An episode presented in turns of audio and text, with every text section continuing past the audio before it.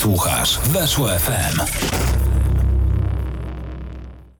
Dzień dobry, witam serdecznie. Jako, że my lubimy się do siebie uśmiechać w tym programie, to na szybko. Czy jest panowie coś, za co chcielibyście pochwalić Arsenal po tej kolejce? Tak w dwóch zdaniach. Myślę, że minuta ciszy będzie odpowiednim.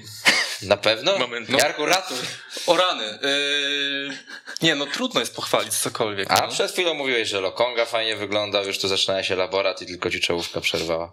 Wiesz co, jeśli Lokonga najlepiej wygląda w Arsenalu, taki młody, nowy piłkarz, to nie najlepiej, naj, nie najlepiej świadczy o tym, co tam się dzieje. Będziemy to wszystko analizować, e, będziemy to wszystko diagnozować już za chwilę. To oczywiście program Football Bloody Hell. Jak zawsze o godzinie 14 w poniedziałek będziemy sobie rozmawiać o tym wszystkim, co najciekawsze w angielskiej Premier League. Ja nazywam się Wojciech Piela. Dzień dobry. Maciek Łuczek, TVP Sport. Dzień dobry. Jarek Koliński, Przegląd Sportowy. Dzień dobry. No i cóż, zaczęliśmy oczywiście, y, spróbowaliśmy pochwalić za coś Arsenal, ale jako, że no spodziewałem się, że nie będzie tego zbyt wiele, no to właśnie tak, żeby już mieć za sobą i teraz przechodzimy do właściwej części programu. No mecz Arsenal-Chelsea, czyli derby Londynu, coś o czym będziemy sobie rozmawiali na początku, no bo to oczywiście spotkanie, które zapowiadało się najciekawiej, no ale oprócz tego niespodziewany, no tak można spokojnie powiedzieć, remis na St. Mary's Stadium, Southampton, Manchester United, tam raczej wszyscy spodziewaliśmy się po pierwszej kolejce, że walec o nazwie Manchester United wjedzie na St. Mary's, a okazało się, że nie był to walec, tylko taki powiedzmy Ikarus w przebudowie. E, Liverpool wygrywa też swój mecz między innymi, mieliśmy też starcie Leeds z Evertonem, gol Mateusza Klicha, także jak zawsze dzieje się. No i na początek Arsenal-Chelsea, zwycięstwo e, ekipy, która wygrała Ligę Mistrzów w tamtym sezonie, drużyna Chelsea 2 do 0 pokonuje Arsenal. Jak wrażenia?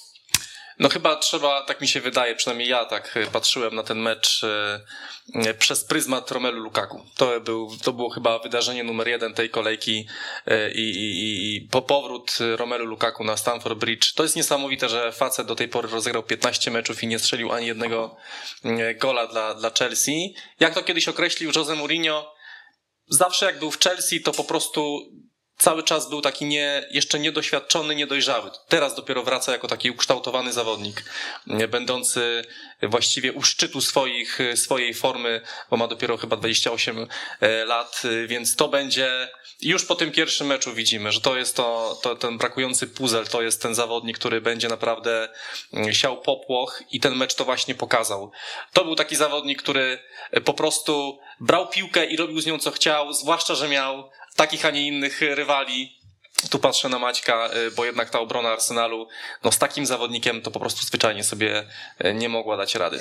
No przykro było patrzeć na to, w jaki sposób, bo to, że Chelsea wygrała... Tylko Maćku tutaj widzisz, mamy te statystyki Romelu Lukaku, tak na potwierdzenie tego, co mówił Jarek, no niewątpliwie radził sobie bardzo dobrze, no ale Arsenal też jakichś wielkich problemów nie sprawia. No właśnie, bo to, że Chelsea wygrała z Arsenalem, to nie jest jakaś wielka niespodzianka. Tego się pewnie można było przed spotkaniem spodziewać. Natomiast myślę, że przede wszystkim przykry z perspektywy kibiców Arsenalu jest to, w jaki sposób Chelsea wygrała. Bo tak oglądając to spotkanie, myślę, że gdyby Chelsea w jakiś sposób musiała wygrać 3-4-0, to spokojnie by tego dokonała. Tak w drugiej połowie już przy kilku sytuacjach naprawdę bawili się w polu karnym i, i szukali takich czasem pewnie za bardzo efektownych rozwiązań. Natomiast Romelu Lukaku, o którym wspomniałeś, to tak wyglądał na tle obrońców Arsenalu, jakby tak, takiego dobrego juniora wsadzić do meczu żaków, takich jakichś tam chłopców, którzy naprawdę dopiero zaczynają. No zachodzę w głowę i, i pewnie sobie też o Arsenalu porozmawiamy, zachodzę w głowę i nie mogę zrozumieć, jakim sposobem do tego klubu dostali się tacy zawodnicy jak Pablo Mari czy, czy, czy Cedric Soares, który no, nie miał nic wspólnego z trzymaniem linii spalonego przy pierwszym golu, to, to są naprawdę zawodnicy, którzy nie wiem, czy w jakikolwiek sposób w Premier League mogliby zaistnieć nawet w dużo przeciętniejszych klubach, chociaż Arsenal obecnie to jest drużyna ze strefy spadkowej, więc być może innych nie powinniśmy obrażać, ale bardzo się na to przykro patrzyło, bo, bo można przegrać. Chelsea przegra pewnie większość klubów w tym sezonie Premier League być może oni nawet na teraz są takim zespołem, który robi największe wrażenie, ale, ale sposób tej przegranej, to, że mieli tylko 34, set, znaczy 0,34 expected goals Arsenal, to pokazuje, że w żaden sposób nie zagrozili nawet Chelsea. Nie było takiego momentu, w którym Chelsea mogłaby się czegokolwiek obawiać. Powiedzmy niezły pierwszy kwadrans, potem w bardzo, sposób, bardzo łatwy sposób stracona pierwsza bramka, za chwilę stracony drugi gol i tak naprawdę cały czas to spotkanie Chelsea kontrolowała, była dużo lepsza i i tak naprawdę mm, to pokazało, jak ogromny dystans dzieli obecnie Arsenal od, od tych czołowych klubów w Premier League. Obrazek tego meczu to chyba ta sytuacja Lukaku, kiedy miał okazję y, na drugiego swojego gola w tym meczu. Tak pięknie uderzył głową po podaniu chyba Masona Mounta. Świetne dośrodkowanie, świetny strzał głową i tam wszystko się zgadzało w tej sytuacji. No i tylko Bernd Leno tę piłkę sparował na poprzeczkę i, i jest y, sytuacja, kiedy Lukaku odwraca się do któregoś z kolegów i tak mówi, on to obronił? Pokazał na rękę, on to obronił naprawdę? Ja nie, tak, to, on, on był przekonany, że to... Nie to... wiem, czy on nie rzucał okiem jeszcze też na telebing, gdzie była powtórka, potem była taki, A, w takim może. slow motion y, pokazane właśnie Romelu Lukaku, jak tak patrzy i nie, nie dowierza. Natomiast y, ta sytuacja, czy też te gole, które, choćby ten gol, który strzelił Lukaku, nie wiem, czy nie, masz tak, czy nie macie takiego wrażenia, że te akcje trochę wyglądały jak rozgrywane na treningu. Jakbyśmy sobie, jakby Chelsea w jakiś sposób trenowała mm, atak i, i powiedzmy ci obrońcy nie byli za bardzo ani agresywni, ani jakoś bardzo dobrze ustawieni, tylko tak to schematycznie wyglądało, że, że rozegrali sobie ich jak chcieli. Tu nie, tu nie bardzo było jakikolwiek opór ze strony y, obrony Arsenalu. No to prawda, znaczy to jest, jest coś w tym, to, to, co mówisz o, tej, o tej obronie Arsenalu, że wydali na transfery tam chyba 125 milionów funtów, a, a ciągle y, taką linią defensywy muszą grać. Natomiast Słuchajcie, Arsenal to jest w ogóle y, zespół, który tego lata wydał najwięcej, jak na razie, ze wszystkich No, no angielskich zespołów na transfery. Natomiast oczywiście pamiętajmy o jednej ważnej rzeczy, że tak, nie było White'a, bo ma COVID, nie było Gabriela, nie było Parteja, to jest też przecież ba- bardzo ważny zawodnik, ma być ważnym zawodnikiem. E, No generalnie Michał Arteta naliczył dziewięciu zawodników, których mu brakowało, więc też e, tak trochę na usprawiedliwienie na obronę Jestem Arsenalu. ciekaw, czy doliczył tam Williana. Myślę, że doliczył. Ja myślę, że, nadzieję, doliczył, ja że myślę, że doliczył też rezerwowego bramkarza Narsona. To, to jakby to jest inna sprawa, żeby tu się jakby ta liczba jeszcze bardziej okazale e, wyglądała. Natomiast e, to tak na lekkie usprawiedliwienie, że jednak też pamiętajmy i zauważmy, że, e, że w Arsenalu brakuje kilku ważnych graczy i zobaczymy, co będzie, jak Obama Young wróci do, do formy, zobaczymy, co będzie, jak Lacazette wróci, no bo też tych zawodników brakuje, więc tak patrząc na tabelę, wygląda to fatalnie w 117-letniej historii Ligi Angielskiej. No nie zdarzyło się jeszcze, żeby Arsenal tak słabo wystartował po dwóch e, kolejkach, ale też no nie, nie spodziewajmy się, że to będzie miejsce Arsenalu mm, po 10, 15 i 20 kolejce, prawda? Oni na pewno się rozegrają. E, Tam jest jed- jedna rzecz w Arsenalu, bo spójrzmy sobie na wszystkie transfery, jakich Arsenal dokonał mm, latem tego roku. To są wszystko zawodnicy między 21 a 23 rokiem życia. Widać, że mm, ten skład jest budowany po prostu na przyszłość. Że chyba na Emirates zdają sobie sprawę i tak, tak to sobie założyli, że nawet kosztem słabszego jednego sezonu, dwóch, e, ta drużyna po prostu ma powoli rosnąć. Kibice chcą od razu zwycięstw, ja to absolutnie rozumiem.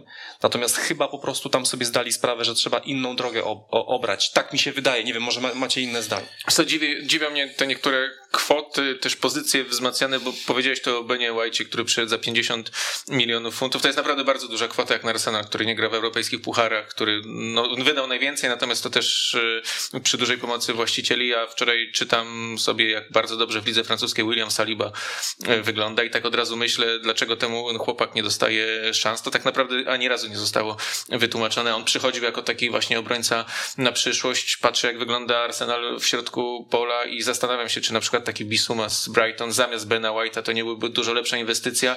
Generalnie zarządzanie tymi transferami i to, w jaki sposób Arsenal buduje tę kadrę, 72 miliony wydane na PP, to też nie mam wrażenia. To nie jest zły zawodnik, natomiast myślę, że nie za taką Nie za kwotę taką i nie, kwotę, nie wiem, czy obecnie na, na Arsenal, więc bardzo dużo pieniędzy wydano. Natomiast y, pytanie też o to, na ile Mikel Arteta będzie potrafił z nich budować drużynę, bo myślę, że coraz więcej znaków zapytania się wokół tego pojawia. On 60 mecz prowadził Arsenal w 60 meczu. Ja do, nie wiem, czy ty masz y, jakieś takie konkretne opinie, jaki ma być jego Arsenal, bo nie do końca można się tego pewnie dowiedzieć. On na początku osiągnął duży sukces, wygrał Puchar Anglii, natomiast w taki sposób bardzo pragmatyczny. Y, Pamiętam, że i w półfinale, i w finale Arsenal bardzo głęboko bronił, wyprowadzał kontrataki i wtedy zdobył trofeum. Natomiast y, ja myślę, że nawet ta obrona, na której się teraz trochę skupiliśmy, to nie jest największy kłopot Arsenalu, bo oni są też bezzębni w ataku. Mm, Ani Zgadza z się. Chelsea, ani z Brentford pojedyncze jakieś sytuacje. Nie strzelili w dwóch meczach ani jednego gola, więc y, myślę, że obrona obroną, jak wróci White, wróci Gabriel, pewnie będzie wyglądało to trochę lepiej, chociaż na prawej obronie nie widzę ani jednego kandydata na poważnym poziomie, bo Cedric nim nie jest, nie jest nim Chambers, ani nie jest nim Bellerin, więc też troszkę jest taka dziura, no ale mimo wszystko to pewnie będzie lepiej.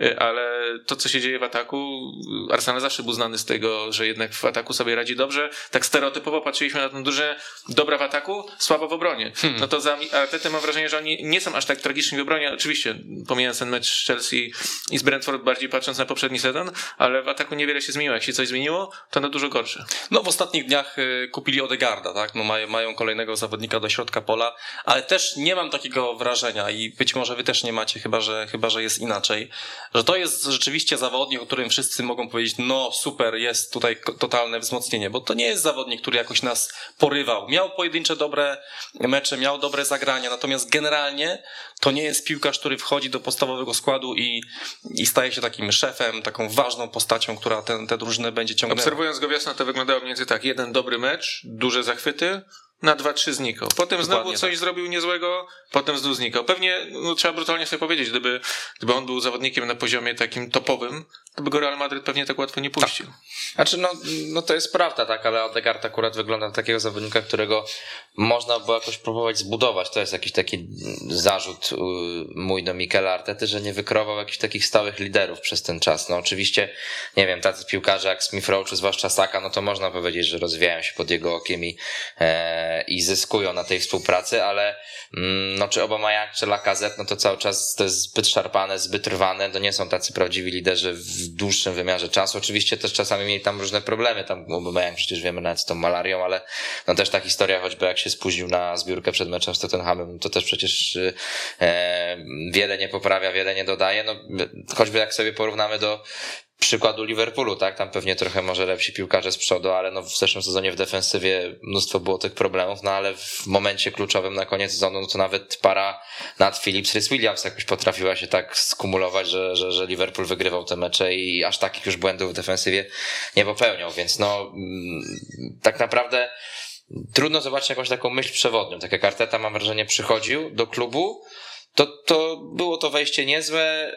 Powiedzmy, że coś tam się rozwinęło też w meczach z tymi dobrymi zespołami. Pamiętam, bo wtedy z Liverpoolem właśnie udało się wygrać też z City. E, nie, było, nie było takiego złego wyniku, no ale jednak mm, cały czas mam takie wrażenie, że to jest jakiś taki stan przebudowy i, i, i, trudno o jakieś takie jasne, konkretne wnioski i, i opieranie pewności na czymkolwiek, tak? No też no ten transfer Alana Ramsdale'a, no przecież to jest kuriozalne, tak? Ile się płaci za rezerwowego bramkarza, e, gdzie tak naprawdę no nie jest to najpilniejsza potrzeba obecnie. Tak, ale z drugiej strony, ale z drugiej strony to może oznaczać, że on jest jednak szykowany jako jedynka. Ja tak to odbieram jednak. Tak, bo że... Leno nie chce podpisać, bo za bardzo przedłużyć umowę. No. Też akurat Leno się z najlepiej nie spisuje, ale no właśnie, pytanie, tak jak mówisz o tych 24 milionach Mhm. funtów, bo które mogą jeszcze troszkę wzrosnąć w przypadku Ramsdale'a, czy to jest akurat najważniejsza pozycja do, do wzmocnienia? Te, te właśnie wydatki, przedłużanie kontraktów, podpisywanie umów. No, Cedric, Pablo Mari i Willian to są, to jest trzech zawodników, którzy nie wiem na jakiej zasadzie znaleźli się w tym klubie. Oni oczywiście teoretycznie nie powinni odgrywać kluczowej roli, gdyby wszyscy byli zdrowi, gdyby wszystko było w porządku. Natomiast no, coraz często dosyć pojawiają się na boisku i w zasadzie niemal za każdym razem e, udowadniają, że oni się do tego klubu nie nadają. W jakiś sposób Arteta też sankcjonował te, te transfery. Też mm, pewnie druga, drugą rzeczą jest rola Edu i jego powiązania z Kijem Jorapsianem, czyli tym agentem, który ma naprawdę wielu piłkarzy, właśnie Cedrika, między innymi Williana. I, I tak jak teraz faktycznie to okno transferowe, to o czym mówiłeś, czyli że raczej postawione na młodych zawodników, tych takich poniżej 23 roku życia i to się może w jakiś sposób bronić, może trochę podobać, bo to jest taki powrót do, mm, do tego, co Arsenal może kiedyś chciał w podobny sp- sposób szukać piłkarzy. No tak w poprzednich oknach e, właśnie sprowadzano takich e, albo piłkarzy przeciętnych, albo piłkarzy, którzy w ogóle się na ten poziom nie nadają, jak, jak ci, których wcześniej wymieniałem. I, I ta kadra jest z jednej strony szeroka, ale z drugiej strony mam wrażenie, że takich e, zawodników, na, której na których możesz oprzeć budowę tego zespołu, to tam nie wiem, ilu byś wymienił, z czterech, pięciu, bo, bo w bramce nie ma nikogo takiego. No Ben White na razie niczym nie zachwycił poza ceną i, i to na razie wszystko. Zobaczymy, jak sobie będzie radził. Thomas Partey jest częściej kontuzjowany niż, niż To jest duże rozczarowanie. To, to miał być, to miał Tak, być to miał być taki I ktoś to miał być znak, że Arsenal chce wrócić e, do, do czołówki, no bo to był zawodnik, który przecież grał w Lidze Mistrzów, grał w Atletico, był naprawdę bardzo ważną postacią Taki, w La Liga, to ten prawda? poszukiwany Patrick Vieira miał być Tak, taki, którego jeszcze tak. nigdy nie było. I nie wiem, no na ten moment może Kieran Tierney, y, Bukayo Saka super utalentowany zawodnik, ale nie wiem, no, no, no pewnie do pierwszego składu, tak? Emil Smith Rowe też duży talent, ale nie wiem, czy już gotowy na ciągnięcie Arsenalu. Aubameyang w słabej formie od wielu miesięcy, Lacazette to też taki napastnik Znaczy niezbyt wiecie, też mi się skuteczny. tak wydaje, że mm, no być może z jakimś takim trenerem o bardziej takim konkretnym pomyśle, czy, czy lepszym, lepszych umiejętnościach po prostu, no to no taka kadra, nie wiem, tacy piłkarze jak Saka, albo jak Lacazette, jakbyś to zestawił na przykład z przodu jako taką ofensywną trójkę, no to to nie wygląda źle, To wygląda? To można, dobrze, tak. I za nimi gdzieś ustawiasz na przykład tego Parteja, Odegarda, którego teraz masz, do tego nawet, nie wiem, tego Lokonga, jak teraz sprowadziłeś, czy tam wcześniej może nawet, no, też nie róbmy na przykład z Granita Czaki zupełnego beztalencia, też pewnie jako zawodnik y, dobrze pracujący w środku pola. patrz jaka tam jest polityka transferowa. Czaka z jednej strony miał odejść do Romy, Mhm. był już spakowany, mieli go sprzedać. Wydawało się, że może to jest niezły interes, y, po czym nagle następuje zwrot akcji i tydzień później on podpisuje nowy kontrakt i ma zostać I dzisiaj gra z to, opaską. to jest dobry. I dzisiaj gra z opaską, tak, kapitan. czyli to on się w końcu nadaje do tego klubu i widzą go w tym klubie na długoterminowo, jest właśnie kapitanem i, i ma zostać, czy miał zostać sprzedany do Romy jeszcze tam powiedzmy trzy tygodnie wcześniej. Tak jakby brakuje jakiejkolwiek takiej konkretnej Tak, to- wizji to jest i, symbol i konkretnych decyzji. Tego, to jest symbol tego chaosu, który teraz jest na Emirates, że, Mhm. Że my naprawdę nie wiemy, co tam, się, co tam się dzieje, co oni chcą zbudować. Pa- Patrzcie też, ilu tam jest piłkarzy takich niechcianych, których oni by chętnie sprzedali, ale za bardzo nawet nie ma komu, bo to jest Lacazette, oni chętnie by się Lacazeta pozbyli. Do tego jest Bellerin, który... Kolasinac. e, Kolas, właśnie jak zobaczyłem, że on jeszcze jest na ławce rezerwowej, prawdę mówiąc, zapomniałem w ogóle o, o istnieniu. Podobno No, do Galatasaray idzie, takie są e, informacje, że do Galaty ma iść, więc no przynajmniej... do tego zobaczymy. William, do tego jeszcze niedawno Graniczaka, więc tak naprawdę tych piłkarzy tam jest mnóstwo, którzy... A do tego mamy jeszcze no, tego Smitharowa, młodego Martinellego, tak, to też są zawodnicy, którzy no, już udowodnili, że na tym poziomie Premier League też potrafią sobie radzić, więc e, oczywiście ma swoje problemy Arteta, te zdrowotne z różnymi zawodnikami, ale moim zdaniem to go nie usprawiedliwia w zupełności, że jednak jest zbyt duży chaos, że za tym dobrym początkiem no nie, nie poszła jakaś kontynuacja, że to się rozmydliło i tak naprawdę w tym momencie nie wiemy, co chce grać Arsenal, nie, nie potrafimy jasno wskazać piłkarzy, poza może właśnie, no nie wiem, Saką czy Smithem Royem, no ale oni są młodzi, no to naturalne, że gdzieś się będą rozwijać, ale których, nie wiem, Marteta rozwinął, nie powiem na przykład, że nie wiem, Aubameyang, czy Lacazette, czy Czaka, tacy piłkarze kształtowani zyskali na współpracę z tym trenerem, że oni raczej No stoją w miejscu i Arsenal tak samo stoi w miejscu. Inaczej niż Chelsea, inaczej niż piłkarze Chelsea, którzy no pod Tomasem Tuchelem się rozwijają, no bo choćby Antonio Ridiger mocno zyskał, ale nie tylko on. Teraz dużo się mówi o tym, że może zyskać Timo Werner, kiedy będzie już troszeczkę odciążony z tej presji głównego strzelca, kiedy przyszedł Lukaku, a poza tym on i tak taktycznie czuje się trochę lepiej za plecami napastnika. No takim piłkarzem, który też zyskuje jest Reece James, Marcos Alonso, zaskoczenie przecież bardzo duże na początku sezonu. Po pierwsze, że on się pojawił yy, w wyjściowym składzie. Pozdrawiam oczywiście mój skład fantazy z zeszłego tygodnia za Bena Chilwella, ale jak dowiemy się na końcu programu, już tutaj zmiany dokonałem. No i Marcos Alonso kolejny mecz rozgrywa bardzo dobrze, Reece James e, także, więc... e, Reece James, gol asysta, naprawdę trzeba Więc tutaj powiedzieć. chwalimy Lukaku bardzo i jest za co, ale dla mnie na przykład, no nie wiem czym najlepszym piłkarzem meczu, mimo wszystko właśnie nie Reece James. Nie, no oczywiście, że tak. Oczywiście ja, ja Lukaku nie, nie mówię jako takim na najważniejszym, na, najlepszym piłkarzu tego meczu, tylko o najważniejszym, w tym No sensie, tak. że, y, że wrócił na Stamford Bridge i też ładne obrazki, jak tam kibice śpiewali cały czas jego, jego nazwisko, on tam do nich się odwracał, bił brawo. Widać było, że on też to emocjonalnie e, przeżywa, bo no bo kibicował temu klubowi, e, jego przecież bohater dzieciństwa to, to Didier Drogba, chciał być drugim drogą. I tak naprawdę dzisiaj ma, ma szansę, żeby takim drugim drogą być, bo, bo naprawdę on ma wszystko to, co, ma, co miał Drogba. Ma uderzenie i z głowy, i z nogi, jest silny, dobrze zbudowany, więc tak naprawdę napastnik idealnie skrojony pod, pod Premier League, pod Chelsea, pod to, co chce grać Thomas Tuchel, także ja się spodziewam tutaj spokojnie nawet 20 goli od tego zawodnika, jeśli dalej będzie tak się prezentował jak w tym debiucie. A ja kilka słów chętnie powiem o Risie Jamesie, bo to jest naprawdę taki jeden z piłkarzy w Chelsea moich ulubionych, już odejść, oczywiście po odejściu Oliviera Giroud. E, Natomiast e, no często kojarzymy wahadłowych, bo to chyba jest taka jego podstawowa e, pozycja, jako raczej takich e, przede wszystkim biegających, szybkich zawodników, którzy mają jedynie dośrodkować piłkę, odebrać ją. Natomiast mam wrażenie, że Rhys James oferuje zdecydowanie więcej, że to jest zawodnik kreatywny, że to jest zawodnik bardzo dobrze wyszkolony technicznie, który sporo widzi, potrafi zagrać prostopadłą piłkę, potrafi też dośrodkować, bo to jest oczywiście na tej pozycji bardzo ważne, ale mam nadzieję, że będzie dostawał dużo szans, bo on jednak często rywalizował z Cezarem Aspilicuetą, który no jest tak przesunięty przesuwany. Czasem gra tego pół prawego, środkowego obrońcy w trójce, czasem gra właśnie na, na wahadle, ale myślę, że to jest generalnie wielka przyszłość e, Chelsea, właśnie Rhys James, na, szczególnie w tym systemie z trójką obrońców i z wahadłowymi. Pokazał się w meczu z Arsenalem. E, trochę żałowałem, że tak mało grał na Euro, bo on był przecież powołany, chyba zagrał jedno spotkanie.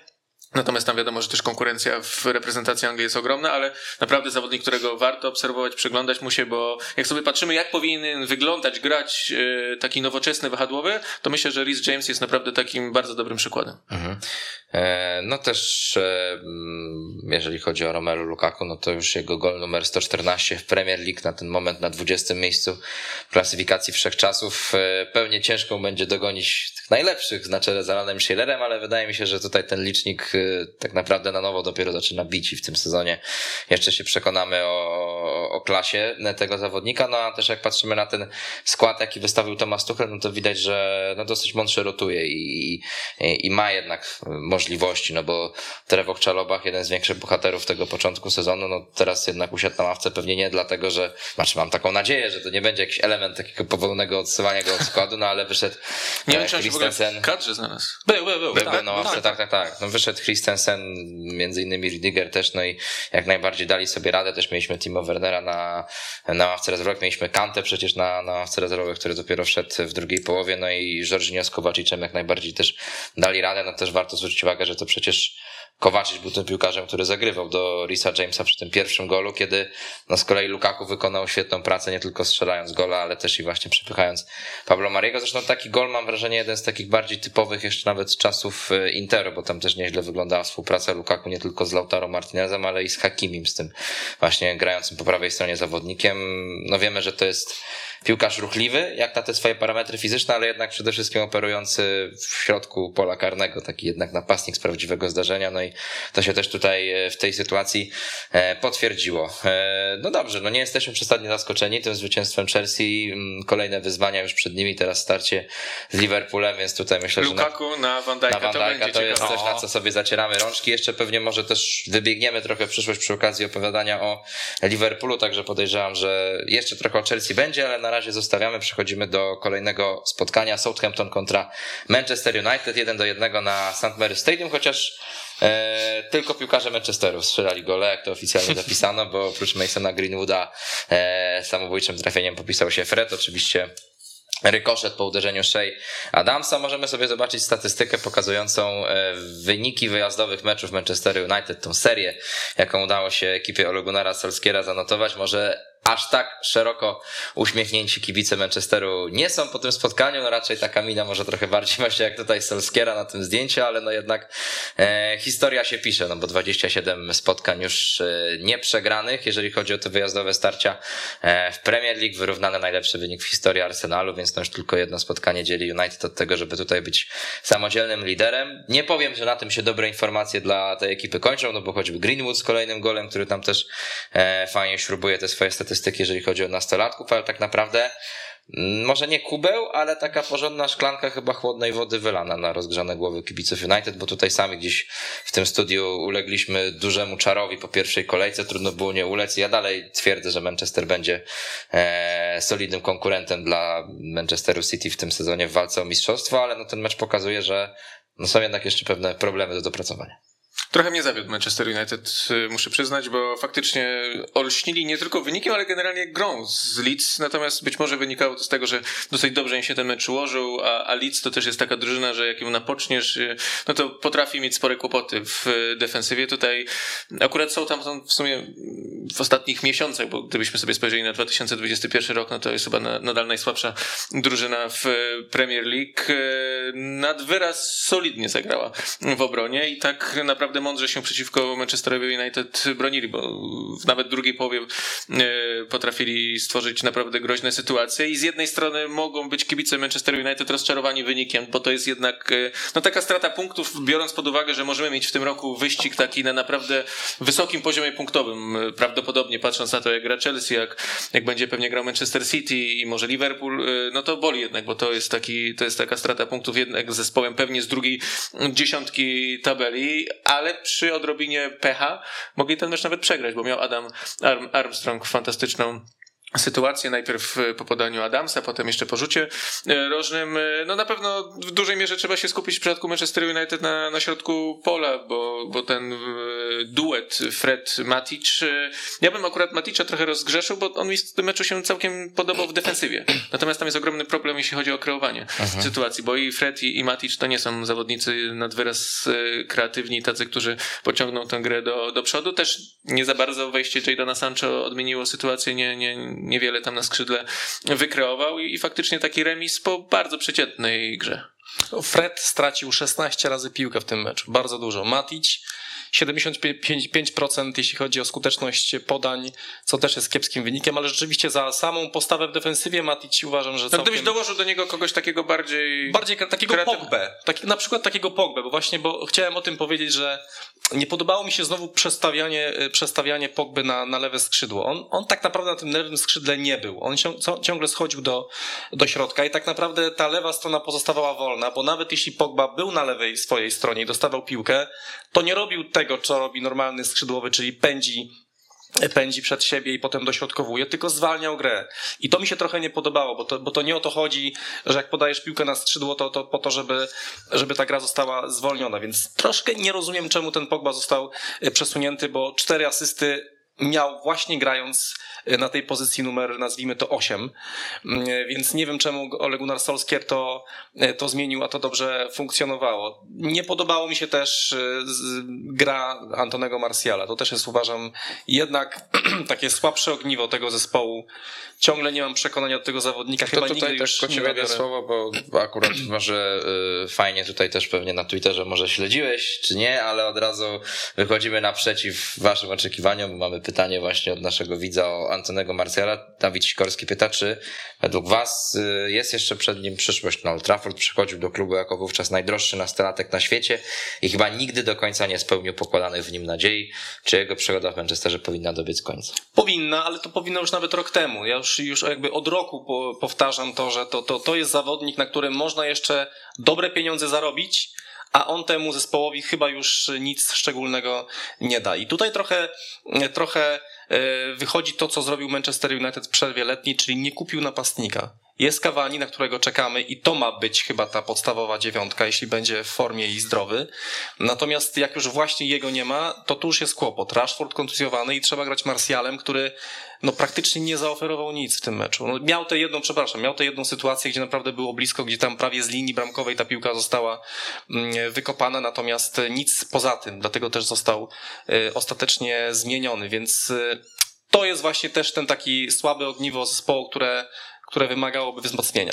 Myślę, że docelowo albo jak wróci Cavani i będzie gotowy, albo jak już będzie przygotowany Jadon Sancho, to, to Mason Greenwood wróci, ewentualnie tak. też na tę pozycję to numer 9. Jest, to też jest jego Więc pozycja, faktycznie, tak. jeśli będziesz miał Greenwooda i Cavaniego do wyboru na, na pozycję numer 9, a Sancho już będzie takim zawodnikiem, który na dobre będzie grać na skrzydle, no to wtedy też pewnie będzie to, to wyglądało lepiej i myślę, że Antony Martial to może być taki zawodnik, którego chętniej może Manchester United by już oddał. Pytanie znowu, kto ma go kupić, no bo tam wiesz, pensja wysoka, pewnie chcieliby skasować niemało, a, a tak naprawdę poza wyspami to, to z pieniędzmi dość krucho, więc to są może te same przypadki co i w Arsenalu, że, że tych piłkarzy do, do oddania kilku byś miał, a, a nie bardzo jest komu. Taki jeszcze jeden zawodnik nie zastanawia, bo ja się dużo jakby przyglądałem jeszcze przed sezonem i, i zastanawiałem, na ile on będzie odgrywał większą rolę w, w tych rozgrywkach Dony Van Den Beek. Mhm. To się wydaje, że mógłby być taki właśnie ktoś, kto wchodzi nawet w 60 minucie i daje dużo kreatywności w środku mhm. boiska. Właśnie no mówiliśmy, Fred Matic raczej nie, nie bardzo Matic, jeśli już to tylko w defensywie,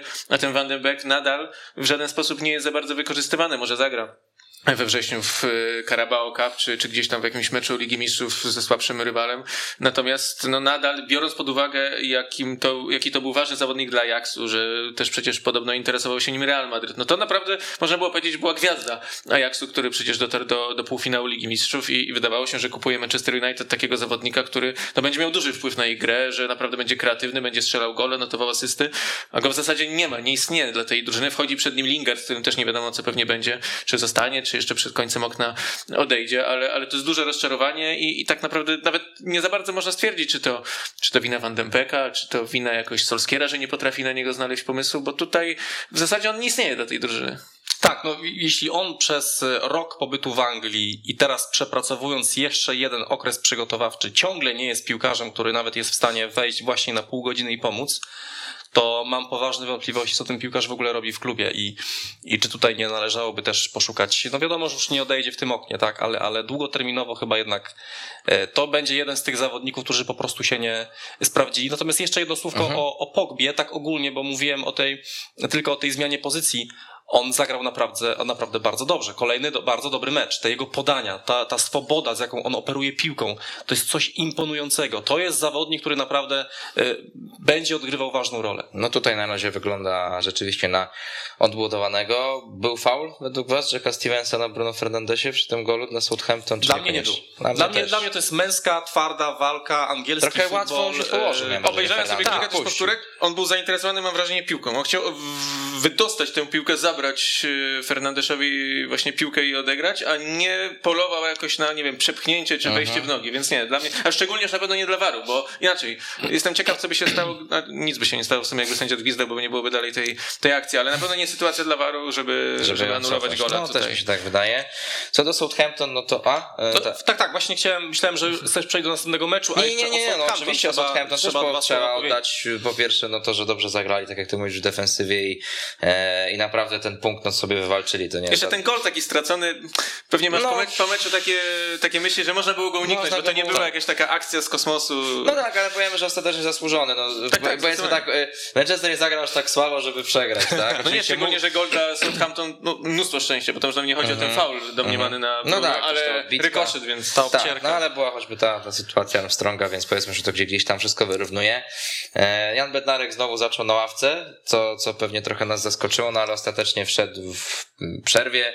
E, co prawda wszedł przy prowadzeniu Southamptona, tego prowadzenia się nie dało utrzymać, no ale dalece jesteśmy od stwierdzenia, że to wszystko wina, wina Bednarka, e, mm, ale piłkarz, na którego warto zwrócić uwagę i wokół którego też się taki delikatny szum e, zrobił już w Anglii w mediach po tym meczu, no bo został wybrany najlepszym zawodnikiem tego spotkania, to Tino Livramento, sprowadzony młody zawodnik z Chelsea, bardzo dobrze wyglądał w obronie, no ale też przede wszystkim w ataku tego wejścia z prawej strony, no wygryzł Kyla Walkera Petersa, może to nie jest nie wiadomo co, no ale to był zawodnik, który przez Hasen Hitla był bardzo ceniony w zeszłym sezonie, podstawowy prawy defensor, tutaj e, no na razie siedzi na ławce i mówiąc eufemistycznie nie zanosi się na to, aby Livramento miał mu oddać miejsce w składzie. W ogóle Nie, no, to są dla niego pierwsze mecze w dorosłym futbolu.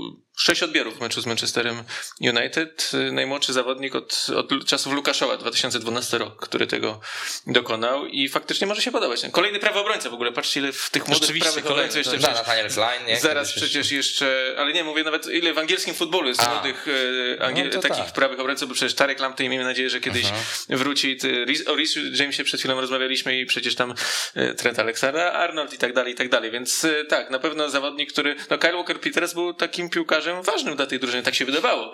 I nagle przychodzi Livramento, który no nie ma w zasadzie doświadczenia w dorosłym futbolu. To też pokazuje, jak odważnym trenerem jest Hasenhüttl, że no trudnym momencie takim, że jednak te ostatnie miesiące dla Southampton nie były zbyt e, łatwe i, i tu jednak stawia na, na takiego młodziaka, który, który dopiero wchodzi do, do piłki, a, ale no odpłaca mu w 100%, bo bardzo się dobrze tego chłopaka ogląda. Taki duży spokój w ogóle od niego bije, bo czasem e, bywali tacy boczni obrońcy, którzy może do przodu grali całkiem nieźle na takim dużym entuzjazmie, ale brakowało tego, żeby pilnowali też tego, co z tyłu. A mam wrażenie, że Livramento jest taki naprawdę uważny też w grze w defensywie. Jest to kolejny przykład też, jak świetnie działa Akademia Chelsea, bo przecież to jest wychowanek Chelsea, e, który w tamtym sezonie został wybrany na piłkarza roku drużyny juniorów, e, który miał ofertę podpisania nowego kontraktu przez Chelsea, ale no widocznie przekalkulował sobie, że szanse na to, żeby grać e, w seniorskiej piłce w Premier League są niewielkie, więc odmówił podpisania kontraktu 5 milionów funtów. To jest ta kwota, którą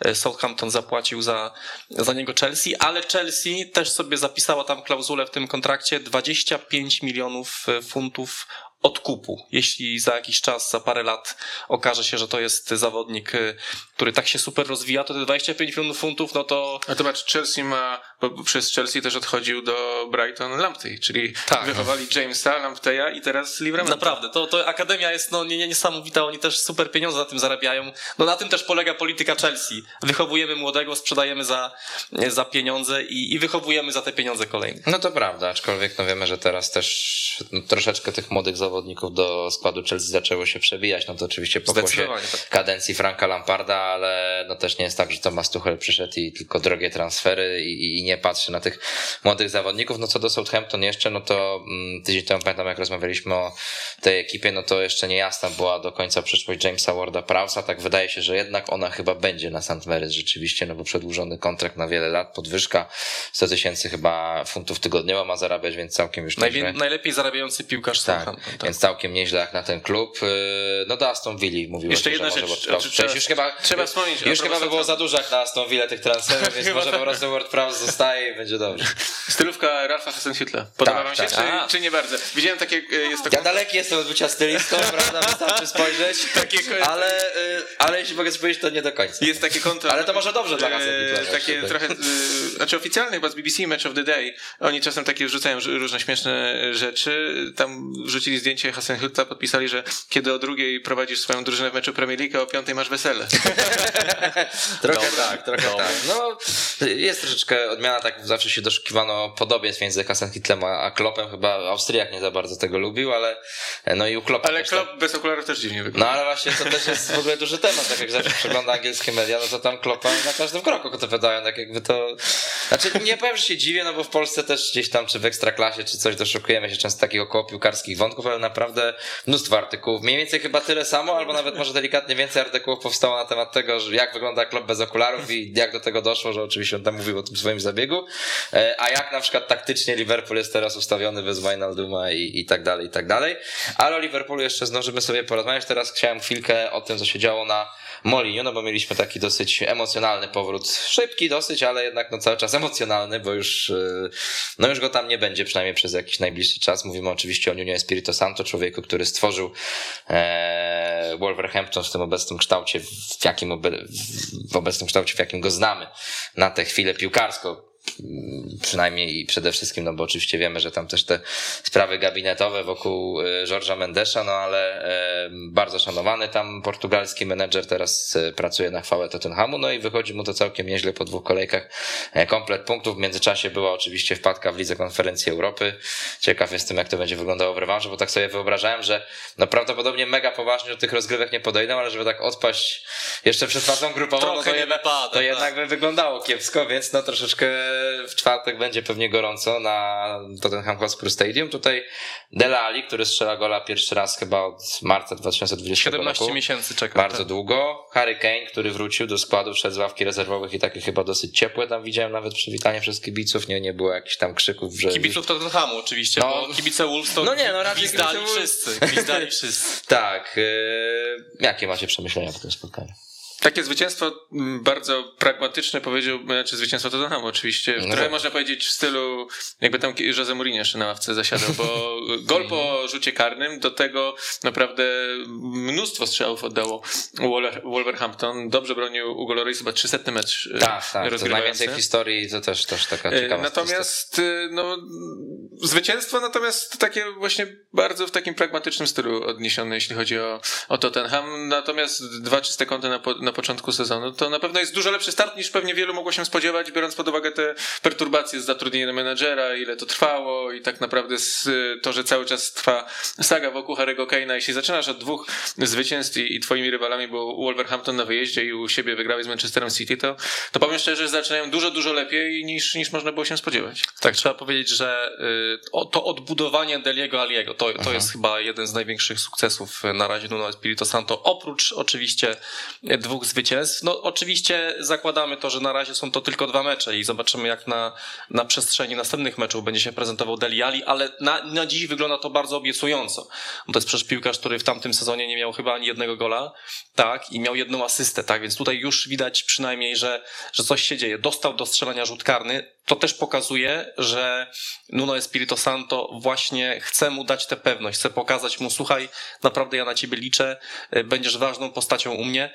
Wiadomo, że piłkarze takich słów, y, takiego wsparcia bardzo potrzebują czasami, zwłaszcza jak są w takim trudnym momencie, jakim był y, w ostatnich miesiącach Deli Ali, więc to, to jest jego zwycięstwo. Też bardzo mi się podoba, że kontynuuje grę Oliver Skip. To jest też taki znak, że, że młodzi też mają tu miejsce, jeśli, jeśli pracują, jeśli się starają.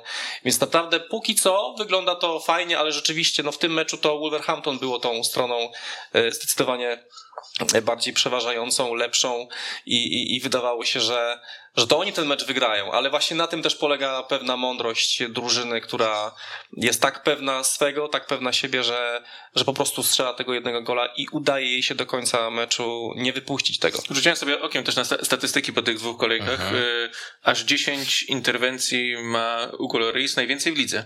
Niby, znaczy niby, no nie mają straconego gola, natomiast widać, że, że też musi się napracować y, francuski bramkarz. A a propos tych zawodników jeszcze, mm, którym daje może drugie albo kolejne życie Nuno Espirito Santo, to, to też y, pozytywny początek sezonu Bergwajna, bo to był taki mhm. zawodnik, który no nie bardzo przekonywał, było, można było się nawet spodziewać, że może będą chcieli go wypchnąć jakoś z klubu i, i sprzedać, wypchnąć sam Dumbel z kolei. Ciekawe, tak, czy się uda, tak, bo on zarabia jakaś wymiana, mówi się o McKennim z Juventusu. Tak, ale on tam zarabia jakieś kosmiczne pieniądze, około 200 tysięcy funtów. No ja pamiętam, że on przychodził wtedy tuż po tym finale Ligi Mistrzów i to był taki no, z dużą pompą ogłoszony transfer, że to właśnie taki kolejny skok, że, że nie zatrzymujemy się na tym finale Ligi Mistrzów, że to kupujemy Dombele, będzie jeszcze mocniej, no, wyszło jak wyszło, ale rzeczywiście no, to był piłkarz, który miał też swoje takie całkiem niezłe momenty, to akurat też jeden z takich pozytywów yy, Jose Mourinho jego kadencji, mam wrażenie, że on to, trochę go tak budował, nie? że na początku pamiętam, on strasznie go tak chciał odstrzelić, a później rzeczywiście on miał moment, kiedy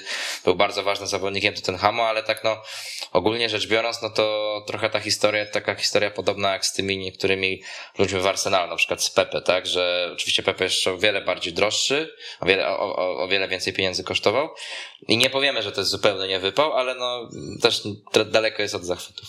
No, zdecydowanie, nie no, Dombele to jest, to jest rozczarowanie i tutaj też takie są widać e, po tych słowach, jakie mówi Nuno Espirito Santo na konferencji prasowej pod kierunkiem tego zawodnika, widać, że tam jest jakiś też taki konflikt po prostu, bo on taki jest, Nuno... Taki oschły taki. Oschły, bardzo... tak, i mówi, ja będę wobec was szczery, tego zawodnika nie będzie w kadrze meczowej.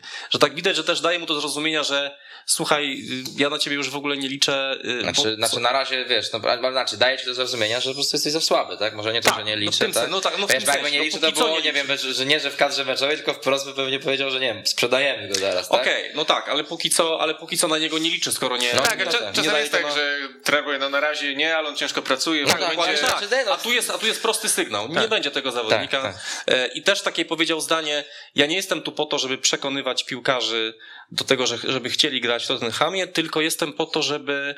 Mm, no właśnie, teraz uciekła mi ta druga fraza, ale właśnie to już jakby też sugestia, że tak jakby Nombele... E, Myślisz, swoją... że to Keina też dotyczy?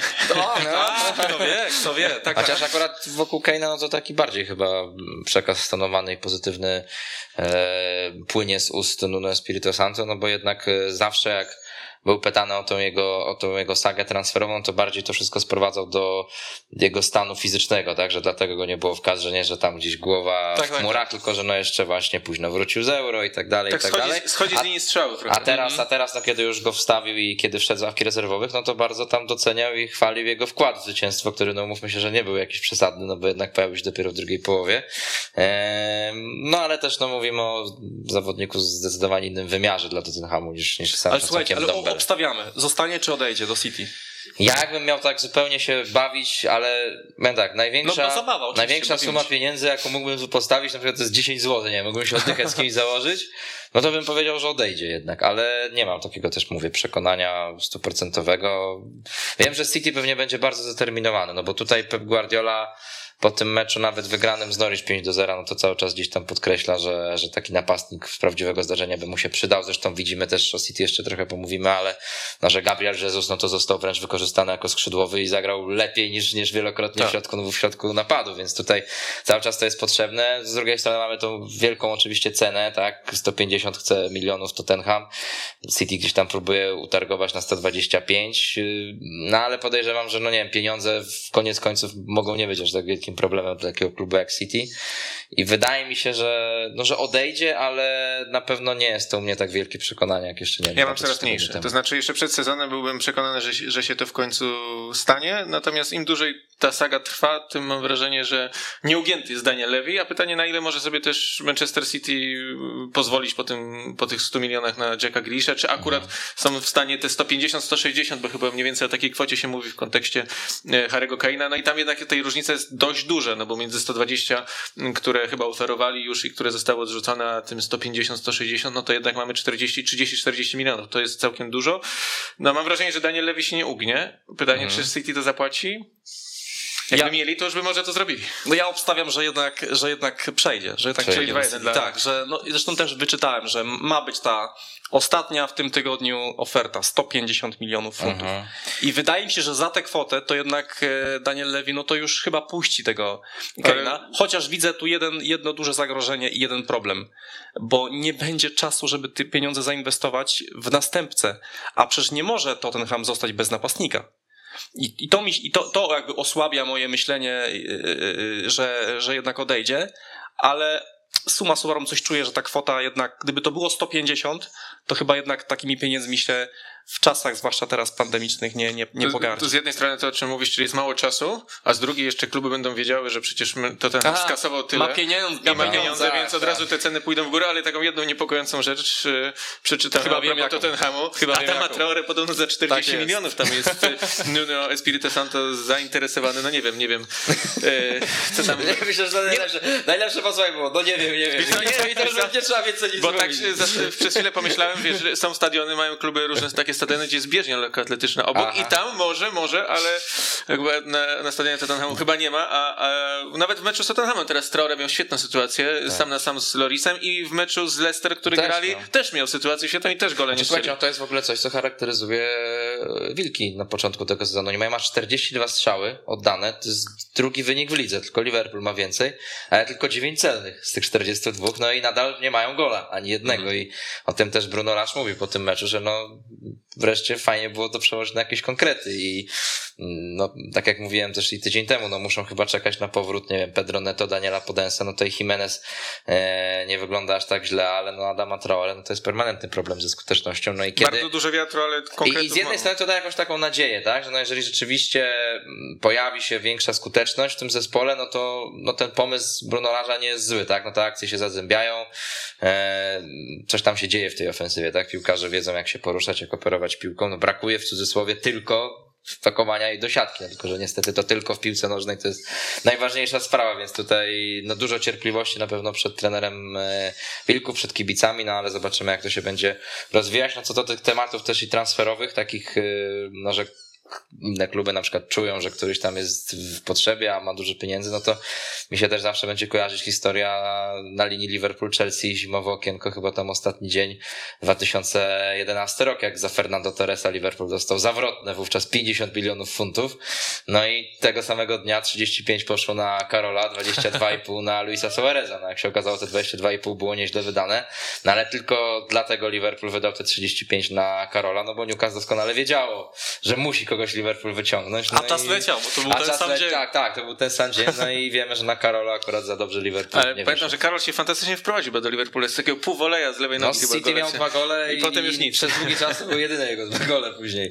E, a propos City, no to właśnie, teraz kilka słów porozmawiamy o tym, co się wydarzyło na Etihad Stadium, no bo pierwsze punkty, pierwsze zwycięstwo, pierwsze gole mistrza Anglii, także przełamana gehenna, która trwała co prawda tylko jedną kolejkę, no ale jak na City, no to już i tak trzeba powiedzieć, że było całkiem, całkiem długo, no bo nie spodziewaliśmy się porażki tej ekipy w pierwszej kolejce z Tottenhamem. No to, że akurat wygrali wysoko z Norwich, to nie dziwi. Yy, Znalazłem statystykę, że chyba czwarty raz w ostatnich tam, nie wiem, 10 latach wygrywają różnicą minimum 5 goli z tym, z tym rywalem. Jakoś tak pamiętam, że poprzedni raz, kiedy Kanarki były w Premier League, to na Carrow Road akurat to było jedno z takich większych zwycięstw Norwich, że wygrali 3 3-2, 2 tak. ale, ale no to był taki, taka jedyna jaskółka, tak to zazwyczaj jednak no gdzieś ten ofensywny styl Norwich chyba pasuje drużynie City, która może ich kontrolować, wygrywać efektownie.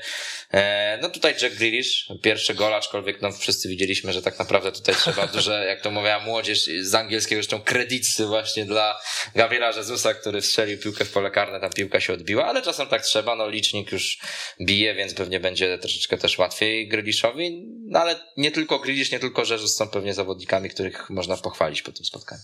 Jeśli mielibyśmy jeszcze wskazywać innych, to bardzo podobało mi się prostopadłe podania Kyla Walkera w tym meczu. Bo naprawdę kilka razy zagrał tak do Gabriela Jezu- Jezu- Jezusa przede wszystkim i to stwarzało groźne sytuacje. E, Tak naprawdę e, też Rodri mm, fajnie tę e, środkową linię trzymał, więc mam wrażenie, że generalnie nie musiał się bardzo zmęczyć Manchester City, że to był taki mecz dla nich e, łat, lekki, łatwy i przyjemny w dużej mierze. Szybko już gola strzelili, co, mm, co sprawiło, że, że tak naprawdę w 100% kontrolę nad tym meczem e, mieli. Oglądałem sobie skróty na, na BBC, tam często się wyświetlają właśnie też te gole oczekiwane na koniec w statystykach. 400 e, miało Norwich 0,04, czyli to pokazuje, że oni w zasadzie dwa razy przewinąłem, więc jeśli ktoś nie popełnił literówki tam w angielskiej stacji, to, to tak to właśnie wyglądało, więc e, to się raczej rzadko zdarza, nawet jeśli mamy mistrza Anglii i Beniaminka, czy mistrza tam innego kraju i, Beniaminka. Bo Norwich taką drużyną, co prawda łatwo tracącą gole, ale potrafiącą generalnie pokazywać się z niezłej strony w ofensywie. Mówię jeszcze o tym czasie sprzed, y, sprzed ich spadku. No tutaj nic z przodu nie pokazali, z tyłu te gole bardzo łatwo tracili, bo mam wrażenie, że mm, zresztą oni jeszcze dwa, dwóch goli chyba nie uznali Manchesterowi Tak, City, tak. więc łącznie stracili siedem, wiadomo, do dwa pospalonych. Gdyby e, City pewnie bardziej przyciskało, to mogli stracić i, i jeszcze więcej, więc e, no takie popołudnie dla City właśnie no po porażce z Tottenhamem nic lepszego nie mogło im się przytrafić. E, teraz też im się całkiem Teraz nieźle... Arsenal, teraz tak. Arsenal, więc, więc też dosyć przyjemnie. E, No ale tutaj taki mecz trochę...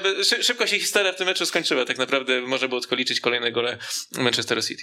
O tym Jezusie chciałem powiedzieć, Mhm. bo to jest też rzeczywiście ciekawa historia z tym, z tym skrzydłowym, e, bo naprawdę, okej, gola nie strzelił, ale trzeba przyznać, że naprawdę zagrał super mecz i Pep Guardiola chwalił go po meczu, powiedział, że to jest taki zawodnik, że nieważne czy ja go postawię na ataku, czy z prawej strony, nieważne czy go wstawię w pierwszym składzie, czy dam mu tylko 20 minut, to on nigdy nie narzeka, ciężko pracuje, jest takim team playerem Mhm. i, i, i wiemy, że Pep Guardiola takich piłkarzy bardzo mm, ceni i chwała za to, bo, bo w tej sytuacji, kiedy tak dużo mówi się o tym, jak to Manchester City potrzebuje napastnika, jak bardzo kusi Harry'ego Kane'a, to twoim zadaniem jako napastnika e, City jest po prostu e, nie przejmować się tymi mm, opiniami, tylko po prostu robić swoje. I Gabriel Jesus robi, robi to, co, to, co teraz e, może robić najlepszego, czyli po prostu pomaga drużynie i pokazuje, że mimo tych wszystkich właśnie plotek, on ciągle jest e, e, potrzebny. Także wydaje się, i to też zasugerował Pep Guardiola, że to może być takie rozwiązanie, że to może być taki prawo skrzydłowy,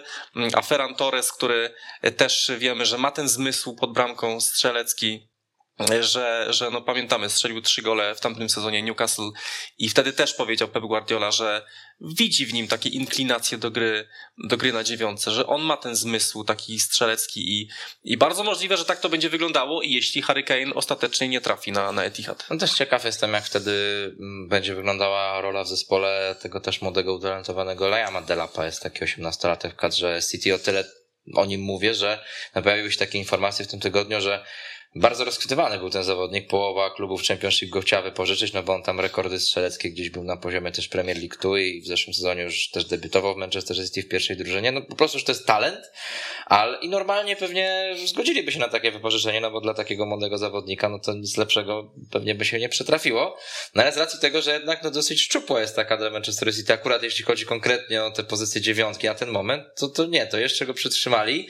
Nie wiem, czy czekają właśnie na Keina, czy nie, albo że, że, że też w dalszej perspektywie chcieliby go jakoś wykorzystać, ale Guardiola właśnie mówił, że no to jest taki duży pek, że on rozpoczynał przygotowania z jakimś tam lekkim urazem, że, że dzięki temu nie mógł, że przez to nie mógł z niego skorzystać, ale no widzi w nim, że to jest właśnie duży talent, że, że trochę to jest, trochę te wypowiedzi jak czytałem, to mi się skojarzyło trochę to, co mówiło Philu Fodenie parę lat temu, że nie, on nie idzie na żadne wypożyczenie, wtedy też tak się niektórzy dziwili, że no gdzie no przecież taka gwiazdozbiór, tutaj jest 17-latek, niech idzie, się ogrywa, no okazało się, że no Guardiola miał poniekąd rację, no bo ten Foden and rozwinął się mimo tego, że cały czas ten Manchester City został. Tak, bo to jest, bo to, jest to, to, że Pep Guardiola jakby bardziej ufa sobie niż, niż trenerom w Championship. W Mhm. sensie, że jemu się wydaje, że piłkarz więcej wyciągnie z jego treningów, nawet gdyby były to same treningi, niż z regularnej gry w Championship. To, to mi się wydaje, że taki jest wniosek i, i taki Delap na przykład, jeśli zostanie, no to może po prostu będzie się ogrywał w, w Pucharze Ligi, w Pucharze Anglii, a wiemy, że w tych rozgrywkach Manchester City zawsze i tak dochodzi daleko, tak?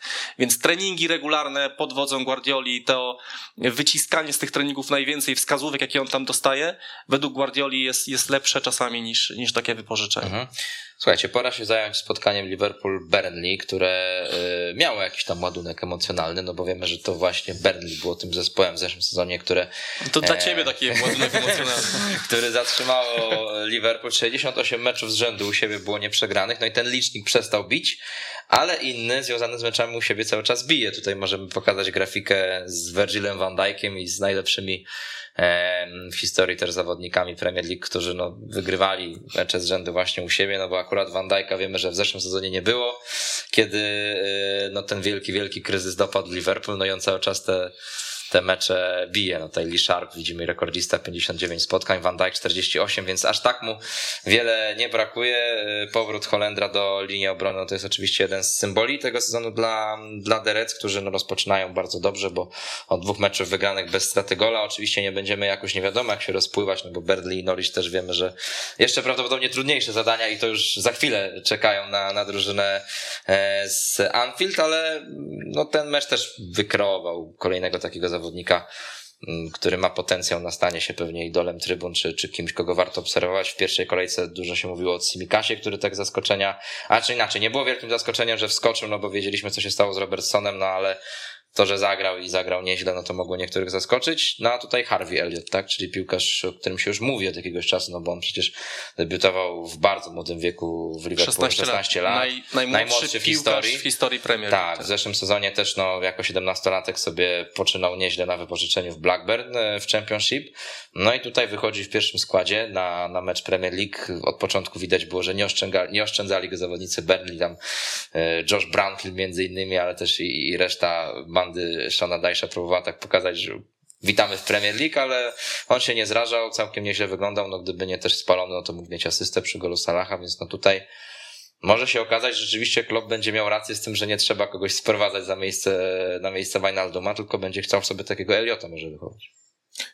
Zaczynając jeszcze od Van Dijk'a, może i od Oczywiście, tych, mecz, od tych meczów, które Liverpool się nie przegrało, to tak pół żartem, pół serio, możemy zaproponować taką statystykę, no bo jednak przegrali z Burnley przy pustych trybunach. To Enfield przy pustych trybunach, a Enfield z kibicami to myślę, że są dwa różne stadiony, więc można liczyć cały czas, jak długo nie przegrają, kiedy kibice Wojtek są... to pewno I tak- liczy, I, spokojnie. i tak ja to, ja, ja to powiedziałem. Zapisz tam, ile, ile tych E, meczów Maciek, jest. e, zapraszam za tydzień kolejny program, Maciej Łuczak w składzie, a nad Jarkiem jeszcze pomyśleć. Natomiast było widać w tym meczu też. Ogóle taki mecz toczony w bardzo dobrym tempie, dobrze się to oglądało, bo jednak Burnley często kojarzymy z takim topornym futbolem, taki, że oni się ustawią na 30 mecze i będą tam tylko wybijali piłki. Oni naprawdę chcieli pograć w piłkę, miałem- wrażenie e, na Enfield, więc, więc takie tempo bardzo wysokie. No, jeśli chodzi o Van Dijk'a, to nie tylko w, w defensywie, ale też e, wrażenie robiły te crossowe podania właśnie Holendra, z których sporo sytuacji później jego koledzy tworzyli, a Elliot e, z kolei to, to taki zawodnik, mnie się bardzo podobało, jak on odważnie wszedł do, do tej ligi, do, tego, do tej drużyny. To nie były takie zagrania do najbliższego, takie zagrania bezpieczne, żeby powiedzmy wejść spokojnie w mecz, dopiero jak poczuje po pół godziny, że mu się nieźle gra, to spróbuje czegoś trudniejszego. Od początku naprawdę próbował takich ambitnych wariantów, e, chciał tę grę kreować, brać na siebie. Był też w czołówce, jeśli chodzi o, o kontakty z piłką w, w drużynie przez całe spotkanie, więc y, no na pewno taki ciekawy pomysł z tym, że na razie Wijnaldum nie został zastąpiony innym zawodnikiem. Generalnie można kibicować takiej koncepcji, przynajmniej mnie się ona podoba, że Jurgen Klopp to jest taki trener w tym świecie transferów, w tym, że tam codziennie niemal ktoś kogoś musi kupić. Mówi, nie, ja bym chciał sobie trochę pod, po, potrenować z tymi chłopakami, ja chciałbym ich rozwinąć. Wiadomo, że nie da się też tego zrobić nie kupując generalnie, nie wzmacniając zespołu, no bo przecież przyszedł choćby Konate, biorąc pod uwagę, co się się tam działo w obronie w poprzednim sezonie, no ale nie ma takiego szału zakupowego, że my musimy brać piłkarzy co najmniej trzy wzmocnienia, każdy po 30-40 milionów funtów albo drożej, więc... A wręcz, przepraszam, że ci wejdę słowo, no już chyba tak wczoraj wieczorem czy dzisiaj, no mieliśmy to potwierdzenie, że Sherdan Shakiri odchodzi, tak? No nie był to może kluczowy piłkarz Liverpoolu, ale biorąc pod uwagę te ich problemy kadrowe z zeszłego sezonu, to i tak ktoś mógłby się złapać za głowę, to po co jeszcze kogokolwiek w ogóle sprzedają? No tak, popatrzysz teraz sobie na środek pomocy i z jednej strony nie został zastąpiony tak powiedzmy dużym transferem Wijnaldum, no ale jest Fabinho, jest Elliot, jest Jordan Henderson, jest y, Alex Oxlade-Chamberlain, jest y, Thiago, więc tych piłkarzy Curtis naprawdę... Jones. Jest Curtis Jones, więc y, teoretycznie tych pił- piłkarzy mało nie ma. Oczywiście to nie są takie nazwiska właśnie związane z wielkimi transferami, ale ja osobiście kibicuję tej koncepcji i nawet jeśli nikogo nie sprawdzam, chyba się nie zanosi na to, żeby kogoś tam do końca okna No, kupowali. raczej E, to niech się wiedzie właśnie takiemu pomysłowi, bo, bo to też pokaże, że może ekscytujemy się transferami, rozmawiamy o nich dużo, a może czasem możesz wyjąć też chłopaka właśnie młodego, utalentowanego, dać mu się rozwijać i, mm, i tak robić też dobre wyniki. Oczywiście, mi się też właśnie podoba ta koncepcja, bo też właśnie Jurgen Klopp pytany cały czas o transfery, o to następcę Wijnalduma, a on mówi, panowie, przede wszystkim to moim zadaniem jest rozwijać tych piłkarzy, których ja mam. I dziękuję bardzo. I to jest ta definicja e, Jurgena Kloppa. Harvey Elliott rzeczywiście też mi bardzo zaimponował.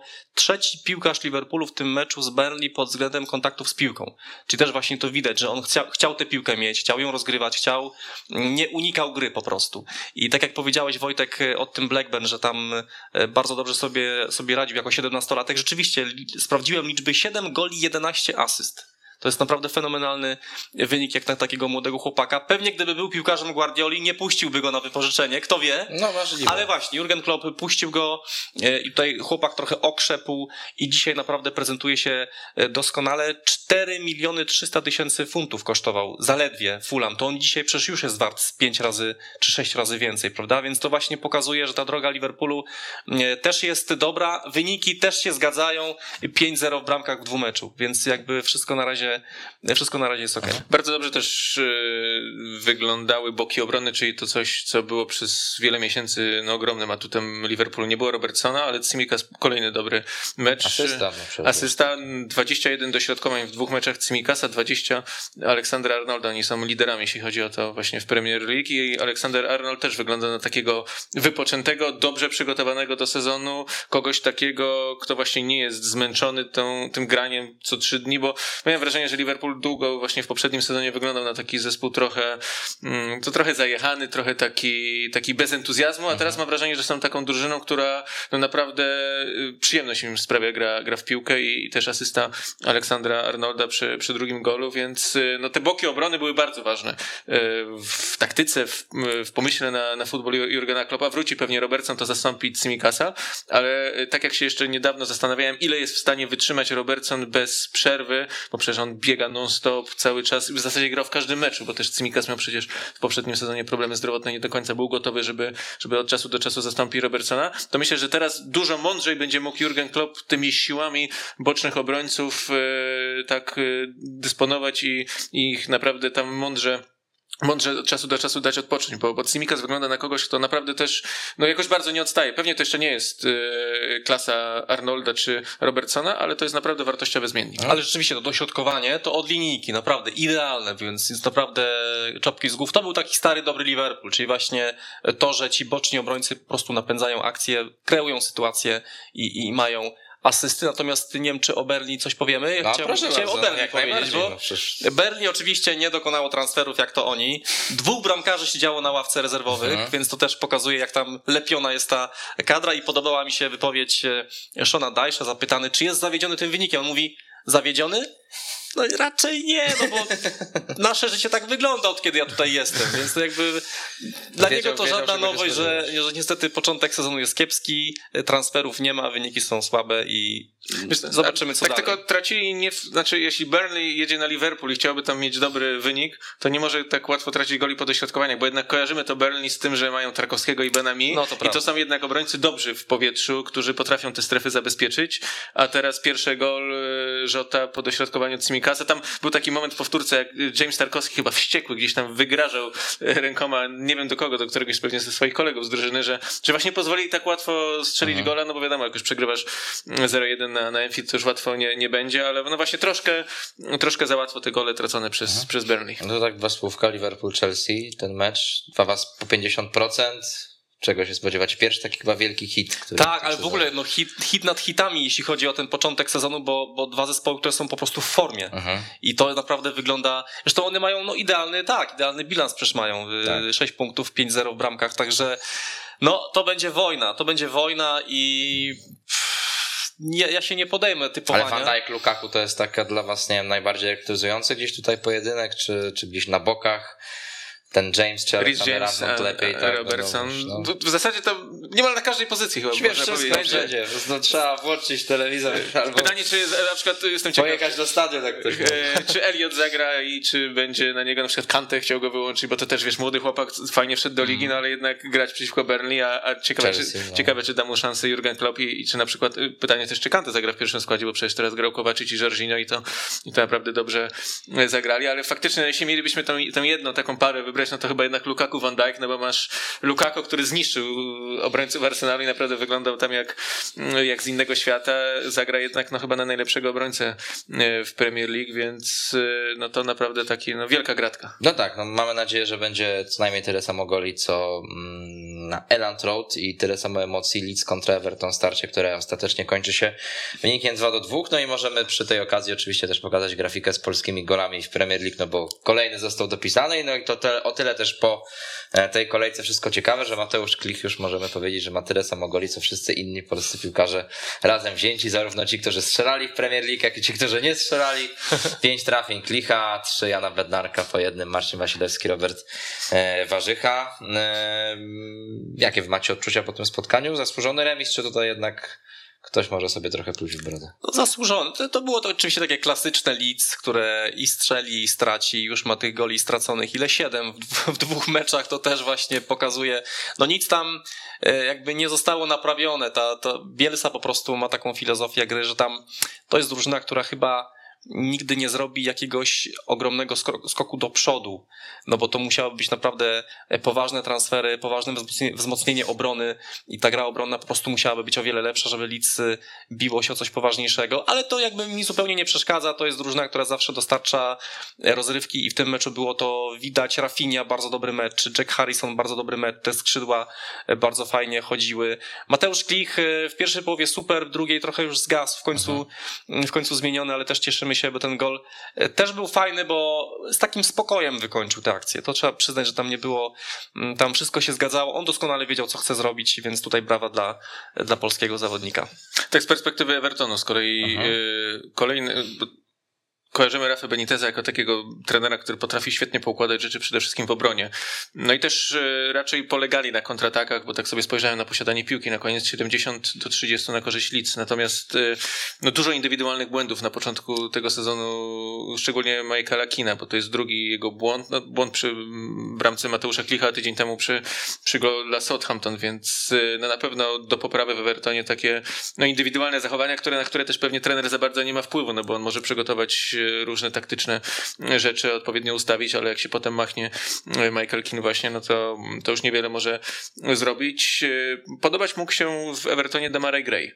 E, To jest taki zawodnik, no, który długo był przecież w Leicester, ale tam nie bardzo mu się wiodło, ewentualnie był takim wchodzącym z ławki rezerwowych, potem krótki epizod w Bayerze Leverkusen i za stosunkowo bardzo niewielkie pieniądze, bo za półtora miliona funtów wrócił, do, wrócił na wyspę, wrócił do Premier League, do, do Evertonu i naprawdę tak obiecująco. Wygląda ten, ten początek. Dla mnie był takim troszkę skrzydłowym, szalonym, takim, no, dużo dryblingu, dużo wiatru, ale niekoniecznie dużo efektów było jeszcze za czasów Leicester.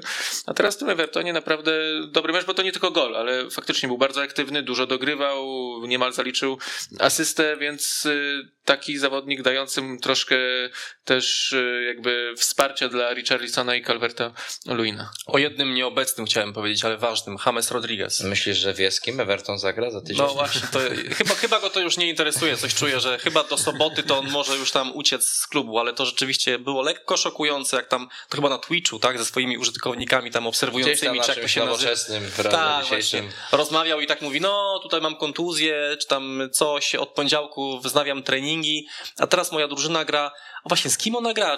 Pomóżcie mi, ale chyba na wyjeździe, bo widziałem jak autokarem gdzieś jechali. No to, to jest taki, powiedziałbym trochę lekki brak szacunku dla, dla pracodawcy, dla klubu, w którym się występuje, nawet jeśli jest się na wylocie, bo, bo to jest zawodnik, który usłyszał też od, od szefów klubu, że słuchaj, my tu będziemy chcieli cię gdzieś oddać latem tego roku i słusznie, bo to chyba jednak jest zawodnik, który nie, nie pomoże. 6 goli, 5 asyst w tamtym sezonie, natomiast połowa tego dorobku to były pier, pierwsze 5 meczów. Później No tak, pamiętam, Później bo już- na, na początku byliśmy tacy dosyć zachwyceni wręcz, Tak. tak. tym Jamesem Rodriguezem, że za kadencji Ancelottiego budowany. E, Sprawdzamy, żeby Jamesowi Rodriguezowi podpowiedzieć. E, Proszę bardzo, możecie to przetłumaczyć, też nazwy przecież międzynarodowe. O, teraz najpierw to w ogóle Huddersfield na wyjeździe, bo A. EFL Cup, więc, więc tutaj trzeba rozróżniać rozgrywki.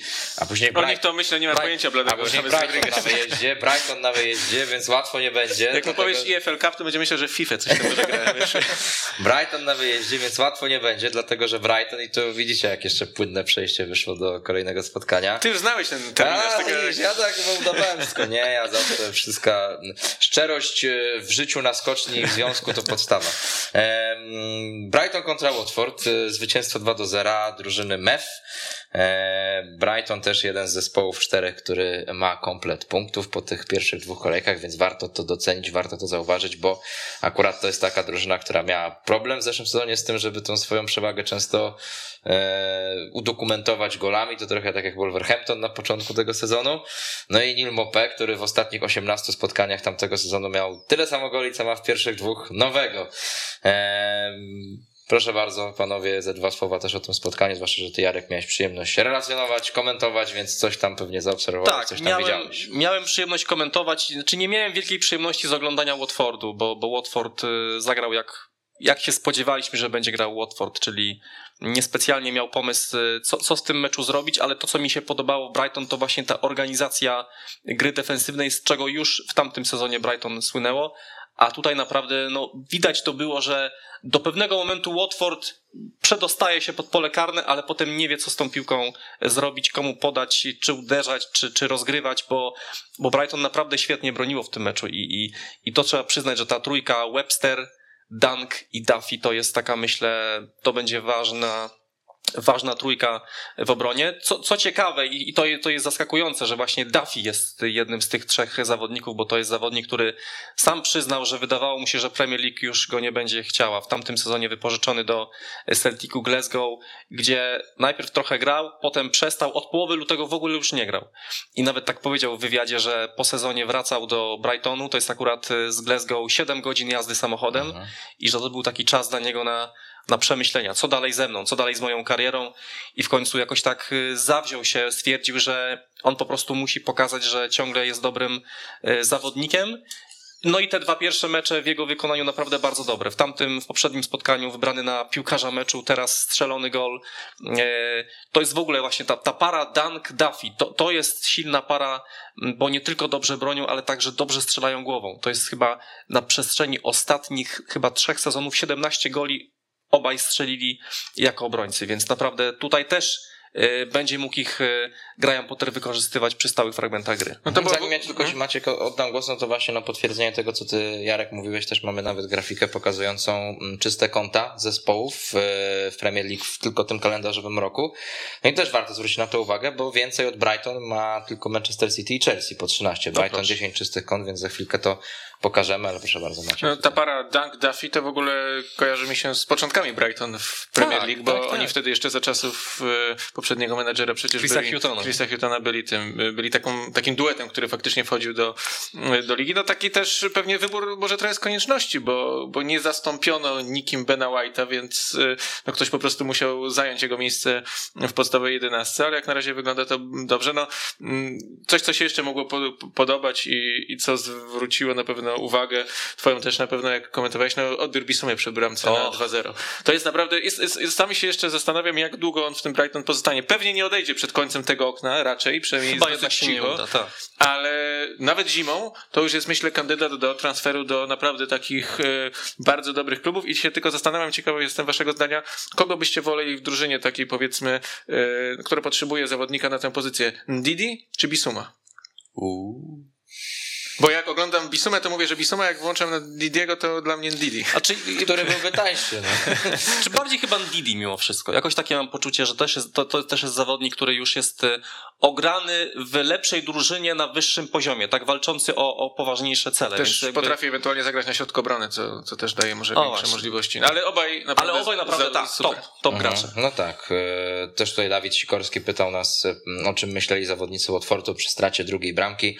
Takich błędów to nawet SKP Wiktoria Warszawa nie popełniał. No, to, to przyjść na mecz. To, to zobacz, ale, nie, ale nie, akurat po tej kolejce rzeczywiście można tak powiedzieć, bo drużyna, w której też no, mam przyjemność grać, ale na szczęście nie zawsze. W tej Taki kole- w tej kole- w tej odbiorę kole- jak Bisuma? Nie, nie, no ale w tej kolejce właśnie nie grałem i wygrali 5 do 4. Także, O. także to też akurat rzeczywiście po tej kolejce można jak najbardziej powiedzieć, no fatalne zachowanie tutaj. Watford, za, byliśmy zaskoczeni tym, jak dobrze zagrali tydzień temu, wygrali za Aston Villą 3 do 2, ale akurat ten mecz to był taki już bardziej z gatunku tych, które byśmy się pewnie spodziewali. To. Tak, no problemem było to, że no jak się skończyło, jak się, jak, jak, inaczej, jak, jak Ismaila Sar był podwajany, bo tam rzeczywiście jak on dostawał piłkę, to często dwóch, trzech rywali w ogóle doskakiwało do niego i nie pozwalało mu rozgrywać, no to i się skończyło rumakowanie, skończyły się akcje ofensywne Watfordu, więc wyłączenie tego piłkarza było w ogóle kluczem w tym meczu. Mhm. No dobrze, słuchajcie, no tak na koniec yy, ze dwa słowa może spróbuję powiedzieć pewnie bardziej o meczu Aston. Villa, Aston Villa Newcastle, bo Crystal Palace Brentford tam było bez goli, aczkolwiek no tutaj oczywiście też wszyscy na cały czas czekamy na, na to, jak odpali Palace za kadencji Patryka Vieira. Już teraz powiedzmy te pomruki niezadowolenia mogą być nieco bardziej głośne, no bo z Chelsea przegrać 3-0, no to wiadomo, tutaj z Brentford pewnie niektórzy oczekiwali już zwycięstwa też. Ale i tak jest lepszy niż Frank de Boer, bo już punkt zdobył. Bo już zdobył punkt, więc, no ale jeszcze oczywiście za wcześnie na też daleki jest. Ale nadal nie ma gola. Oczywiście no, cały czas wi- wisi to widmo Franka de Boera i pewnie przez to niektórzy tak gdzieś wokół tego Vieira, ale odrzucając tę historię, no to jak najbardziej jeszcze trzeba czasu. Ale i patrzcie, dwa czyste konta Brentford na dzień dobry.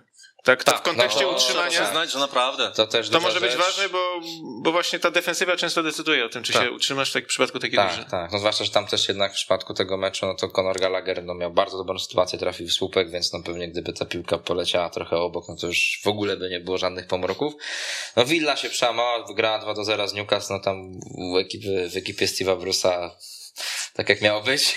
Chociaż oczywiście może jeszcze e, trochę się będzie poprawiać, no, bo już to w wiemy, przyszłym że... tygodniu protesty na St. James's Park. Tak, tak, Tak? Piękny gol Czy Ings. spodziewasz się? Spodziewałem się, że no, ale- słyszałeś. A tam, czytałeś. Bo zawsze są protesty, jak są No w sumie- kibicy.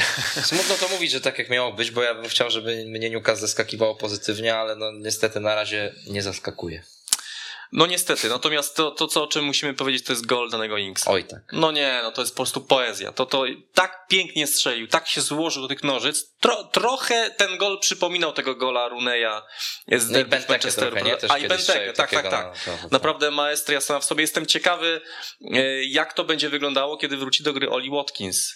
Bo no ja, ja sobie nie wyobrażam, żeby któryś z nich teraz siedział na ławce. No chyba, że na początek jeszcze Watkins, bo może nie będzie jeszcze w 100% y, przygotowany do tego, żeby grać w pierwszym składzie. Natomiast y, no ja widzę to docelowo, żeby taki atak Oli Watkins, Danny Ings y, szalał po boiskach Premier League. Bardzo chętnie zobaczę. Ale I- Ingsum jest przyzwyczajony do tego, że grał takiej w dwójce atakujących, no bo grał z Adamsem w Southampton, No tak. więc faktycznie to się może e, udać. E, A propos tego gola Inksa, zwróćcie uwagę, że coraz więcej zagrożenia jest też po rzutach z autu, bo to w sumie ten gol jest po rzucie z autu. Brentford strzeliło przecież gola z Arsenalem też po, po wrzucie z autu, więc e, no to jest też taki element, który chyba coraz większą jakby rolę zaczyna może odgrywać i, i z tego też... Coraz e, chętniej, tak.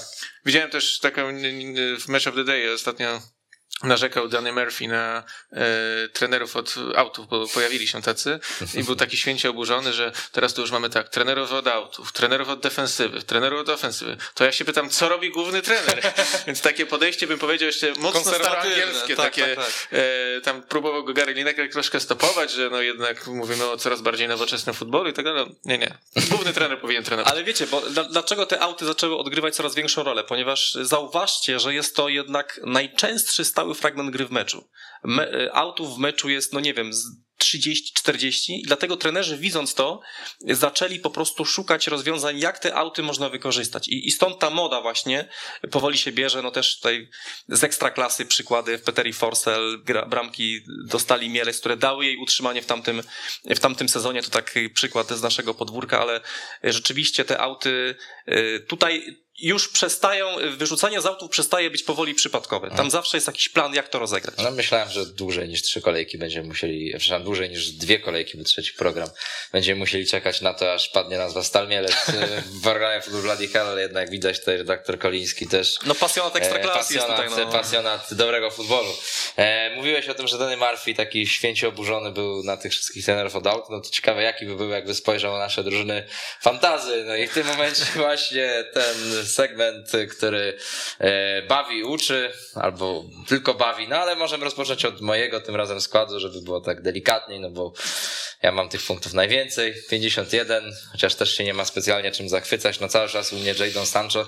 To mnie tak jednak zastanawia, no bo w pierwszej kolejce, że jeszcze usiadł na ławce, to tak trochę machnąłem ręką, mówię, no dobra, w sumie można to było jakoś przewidzieć, bo nowy piłkarz gdzieś tam się przystosowuje, ale tutaj no to jednak, że już wyszedł na ławce i, i wyszedł na przykład właśnie Martial krytykowany, no to było zaskoczenie. Oczywiście później jak Sancho się pojawił na boisku, no to może dostałem jakąś tam odpowiedź na to, to ale, co, ale... Trzymasz kciuki dzisiaj, żeby cofal nie wyszedł. Tak, tak, nie wiem A, jak, nie wiem jak... Duffy, proszę no, bardzo. No, wiesz, mówiliśmy o tym, że Shane Duffy, jakie to jest wielkie zaskoczenie. No jest, jest zaskoczenie, że tak dobrze wygląda. No, Proszę na ławce bardzo. rezerwowych u mnie się pojawił tylko dlatego, że po prostu kosztował 4 miliony yy, najtaniej, ile się dało z obrońców, więc twórcy gry też nie za bardzo w niego wierzyli. Teraz już kosztuje, uwaga, 4,1, także to już nie będzie aż takie proste. Także oczywiście, jeżeli na przykład, nie wiem, yy, puszczając oczywiście oczko, Łukasz Fabiański nas słucha, no to może tam, nie wiem, przedmieczowy posiłek jakiś tam Coufalowi, nie wiem, banana może takiego trochę z dalszej części talerza mu dać i wtedy poradzicie sobie jakoś, a ja jakoś tam na tym oczywiście zyskam. Proszę bardzo, Macie Kuczak, teraz yy, twój skład i za moment yy, tłumaczenia. No niestety w, tym, e, w tej kolejce kapitan widzisz mnie zawiódł, bo tak jak na Bruno Fernandesie można było bardzo wysoko zajechać w poprzednim, e, poprzedniej kolejce, to, to Tak teraz, teraz można było się przejechać. przejechać, e, bo dwa punkty na kapitanie, czyli jeden normalnie, jeszcze żółtą kartkę, że nic nie zrobił, to jeszcze żółtą kartkę zarobił. Szkoda, że wypadł Leon Bailey w ostatniej chwili, bo chyba doznał kontuzji na piątkowym treningu, ale chyba nigdzie tego nie, był, nie ogłosiła Aston Villa, więc, więc tutaj też punktów nie było, są też bez bez punktów, e, takiej większej liczby przynajmniej, więc tutaj faktycznie no niestety sporo Sporo zawodów, najlepiej bramkarze. Robert Sanchez 6 punktów, Mendy 8, no ale nie dało się zmieścić dwóch w składzie, a szkoda. E, No i jedynie Aleksander Arnold tak naprawdę mm, tutaj w miarę sobie poradził. No może dzisiaj jeszcze troszkę ten wynik się poprawi, no bo jest Antonio, jest e, James Madison, więc trzeba liczyć na taki mecz pełen goli, ofensywny i to jedynie może uratować tę, tę kolejkę, no bo niestety ci pozostali zawodnicy, myślałem, że może Tony też w meczu z Crystal Palace otworzy to, to swoje strzelanie w Premier League, no ale jak widać się nie powiodło. Przerzucam piłeczkę do ciebie. A teraz, teraz człowiek, którego już nic nie może uratować. No, chociaż jak zobaczymy, no jest trochę tych zawodników jeszcze dzisiaj. Jarosław Kolejski. Mój najlepszy piłkarz Vicente White'a.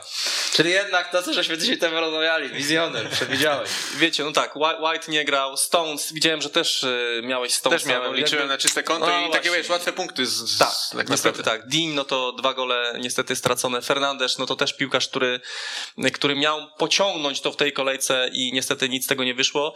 No trochę ule, uległem ym, urokowi Sara, bo rzeczywiście w tej pierwszej kolejce Ismaila Sar zagrał fantastycznie. Liczyłem, że podtrzyma to.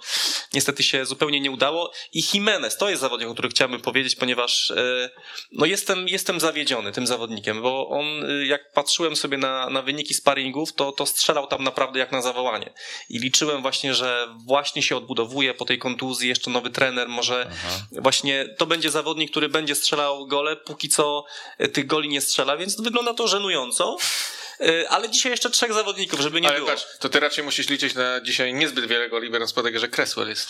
No tak. No to takie oczywiście. 1-0 po golu Oczywiście. Sołczka. No, oby, oby tak było. Oby tak Ważne myślenia o futbolu się. Chociaż tak nie jest bardziej też. Natomiast no jest Nie wiadomo na trzeba- co może. Natomiast moja żona zaoferowała mi, że może przejąć moją drużynę i, i ją ustawiać, bo nie zna się w ogóle na piłce, nie interesuje się piłką i podejrzewam, że i tak nie będzie go, go, gorsza niż ja, więc y, pomyślę, co z tym zrobić. To Przez tylko tydzień. daj znać, żeby jak coś to grafikowi powiemy, czy ma wpisywać skład Jarka Kamińskiego dalej, czy, Czy jednak żon, czy, czy, czy, czy na przykład y, imię będziemy wtedy wpisywać, żeby na przykład tylko jacyś tam, prawda, nie było nieprzyjemnych albo zbyt przyjemnych listów później do małżonki. Dobrze, y, słuchajcie, dzisiaj jeszcze o 16.30 zapraszam na program Kurwa Sud. U nas na kanale sportowym będzie o lidze włoskiej, także też taka liga, która ma coraz więcej powiązań z Premier League, bo i tam Abraham przecież odszedł do Romy, tak samo jak i Jose Mourinho, a z kolei Romelu Lukaku z Interu do Chelsea, także tutaj też warto śledzić, a o 20 taka liga, która jak się już dowiedzieliśmy przed chwilą, ma jeszcze więcej powiązań z naszą, e, inaczej z Premier League.